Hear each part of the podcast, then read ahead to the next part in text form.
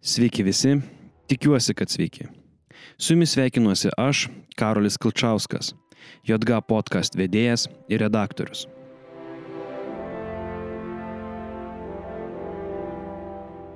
Šiuo metu kartu su Martinu Gedminu esame pas Estijos jaunuosius gydytojus, kuriems pasakojame apie pakopinės kompetencijas ir savo patirtis siekiančio pokyčio. Įrašą darome etnokultūrinėje sodyboje, kuri verčia jaustis, jei kas dar prisimena žiedų valdovą, kaip grafystėje pabėgus iš universitetinių mordorų, kurie prieš porą dienų prisipažino, kam siekia panaudoti pakopinių kompetencijų projekto pinigus. Nėra nieko, prie ko prisilietęs mordoras nesiektų naudos savo.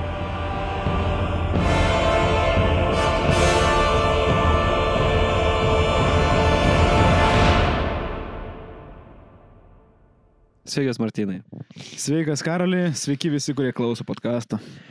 Ačiū visiems e, po praeitų įrašų paspaudusiems ant apklausos nuorodos ir užpildžiusiems. Mes esame po posėdžio švietimo ir mokslo ministerijoje, kurioje buvo kalbėta apie projektus skirtus dėkti pakopinės kompetencijas. Pirmą kartą mes patys juos e, pamatėme, tai norime šiandien pasidalinti e, naujienomis.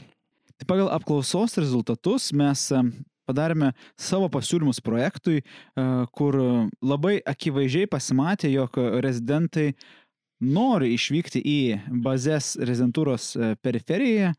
Mes pamatėme, kad ten ir emocinė aplinka rezidentų vertimų yra geresnė ir uh, praktikos žmonės gana daugiau. Žinoma, neturi būti per prievartą žmonės uh, išvaromi, nes gali būti, kad dėl šeimos aplinkybių ar kitų žmonės negali palikti didžiojo miesto. Tačiau iš tikrųjų pasimatė labai aiški tendencija, kad žmonės nori daugiau išvažiuoti. Ir visus jaunųjų gydytojų atsakymus mes sudėję į e, vieną vietą, mes pateikėme pasiūlymą, kurį išsintėme toms ministerijoms ir universitetams. E, jį matote prikabintą po podkastu ir tikėjomės, kad e, tai įtako sprendimus, bet atėję į posėdį matėme visišką cirką ir Karoli papasako daugiau apie tai, kas tenais buvo. Pradėkime nuo to iš tikrųjų, ką atnešė parodyti universitetai. Tai universitetai atnešė du labai skirtingus projektus. Tiesiog labai paprastai. Vilnius ruošiasi perdaryti 63 programas, įskaitant ir odontologijos rezidentūras. Lietuvos sveikatos mokslo universitetas 10 programų. Kokių? Kol kas negali pasakyti.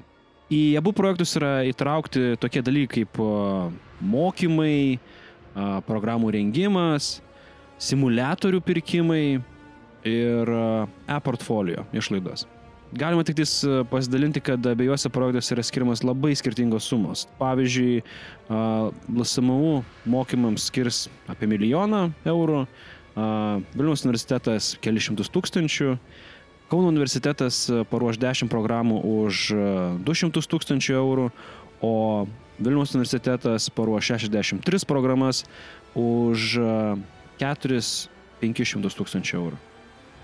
Ir sumos kol kas e, netrodo labai įspūdingos, dėl to, kad e, pačios didžiausios sumos yra skirtos simulatorių įsigijimui. Pasirodo, Lietuvos sveikatos mokslo universitetas įsigys simulatorių už 2,6 milijonus eurų, o Vilniaus universitetas už 2,3 milijonus eurų.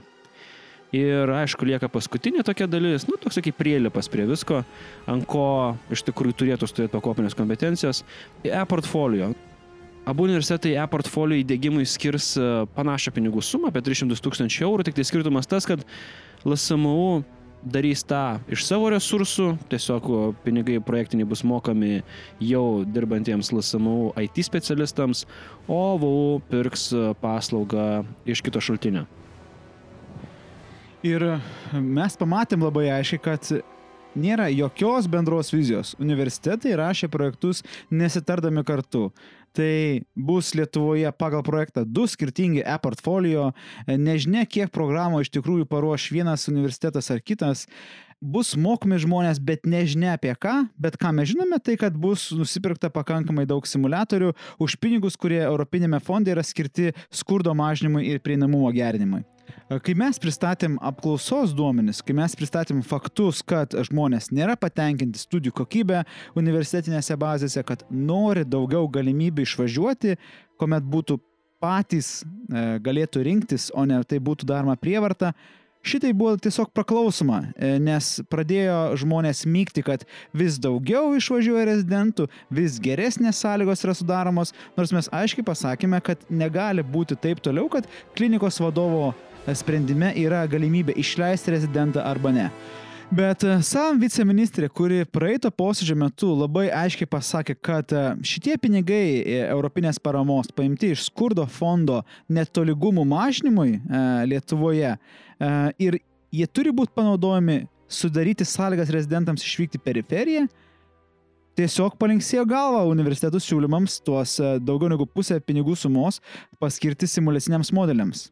Švietimo ir mokslo ministerijos viceministras Valdemaras Razumas atėjo į posėdį visiškai nesusipažinęs nei su vienu projektu, nei su mūsų siūlymu. Jam buvo visa informacija absoliučiai nauja. Tuo tarpu viceministrė Joševičinė atstovavo politinę valią, kad kuo greičiau tie pinigai būtų įsisavinti. Tai per daug nesiplečiant rezumė yra toksai, kad e, nei į mūsų siūlymus, e, kurie spindi jaunų įgytų nuomonę, niekas nekreipia dėmesio, į visiškai atmestinai parengtus projektus yra žiūrima pro pirštus ir tiesiog yra stengiamasi kuo greičiau paleisti tos europinius pinigus, kad traukinys išvažiuotų. Kas čia bus, ar čia pakopinės kompetencijos, ar simulacijos centrų statybos, niekam iš tikrųjų nerūpi. Tai dabar nuo pradžių reiškia pakopinės kompetencijos iniciatyva, kuri gimė jauniesiems gydytojams su tikslu pagerinti edukacijos kokybę. Tam, kad mes taptumėm geresniais gydytojais. Mes pradėjom kelti šitą klausimą, mes jį ėjom į viešumą, pasirūpinom, kad būtų pakeisti įstatymai. Tada ministerija atrado pinigų atsėti dėkti šitoms naujovėms, bet jie buvo susijęs su skurdo ir e, neprieinamumo mažinimu, Dėl to rezidentai įgyję pakopinės kompetencijas būtų buvę skatinami išvykti į periferiją, bet galų gale viskas buvo panaudota universitetams. Simulatorių pirkimui, kavos petrokėlėms, mokymams ir dar kažkam. Ir dar du universitetai darys visą tai visiškai skirtingai, nes nėra jokios bendros vizijos. Ir tada kyla klausimas, kam apskritai rūpi Lietuvoje medicininė edukacija? Studentas, rezidentas?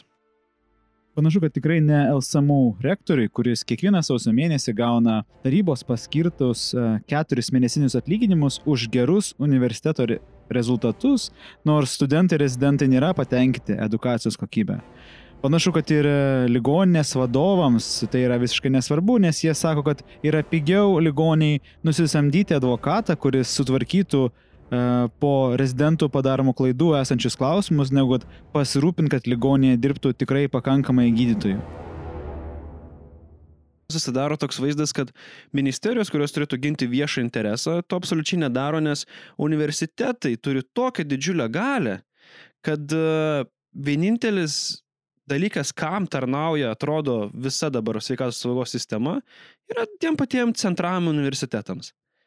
Ir šita situacija gali atrodyti labai liūdnai iš e, šono, bet iš tikrųjų pamatėme labai aiškias kortas, tai kad į nuomonę jaunųjų gydytojų nėra kreipiamas joks dėmesys, e, kuomet mes pradedam kalbėti apie pokyčius, kurie liečia pinigus, iš karto atsiranda labai aiškus interesai iš universitetų, kurie valdo ir ministerijas ir taip susidaro tas užburtas ratas, kai labai riboti sveikatos sistemos resursai yra kreipiami į tuos du centrus, tada mažėja galimybės periferijoje, atsiranda įvairios problemos tenais, kurios vis tiek nėra sprendžiamos, nes sprendimų prieimimo gale yra šešėlinių kardinolų ir ledo karalienių rankose.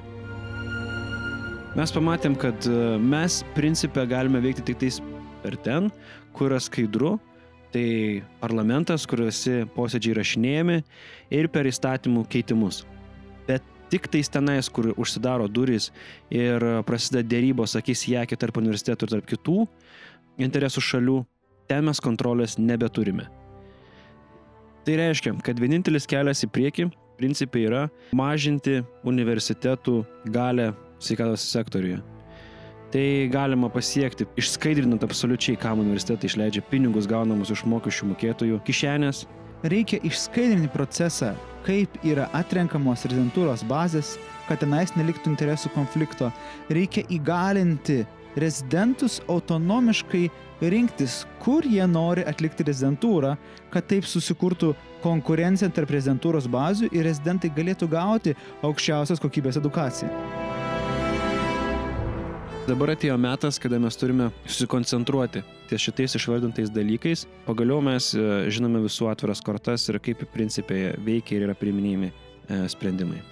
Jo, tai čia tikrai dar nėra pabaiga. E, šitas klausimas panašu, kad jisai lietosis ir čia laukia dar daug darbo, bet svarbiausia, kad mes žinome, kokia yra ta tiesa iš tikrųjų.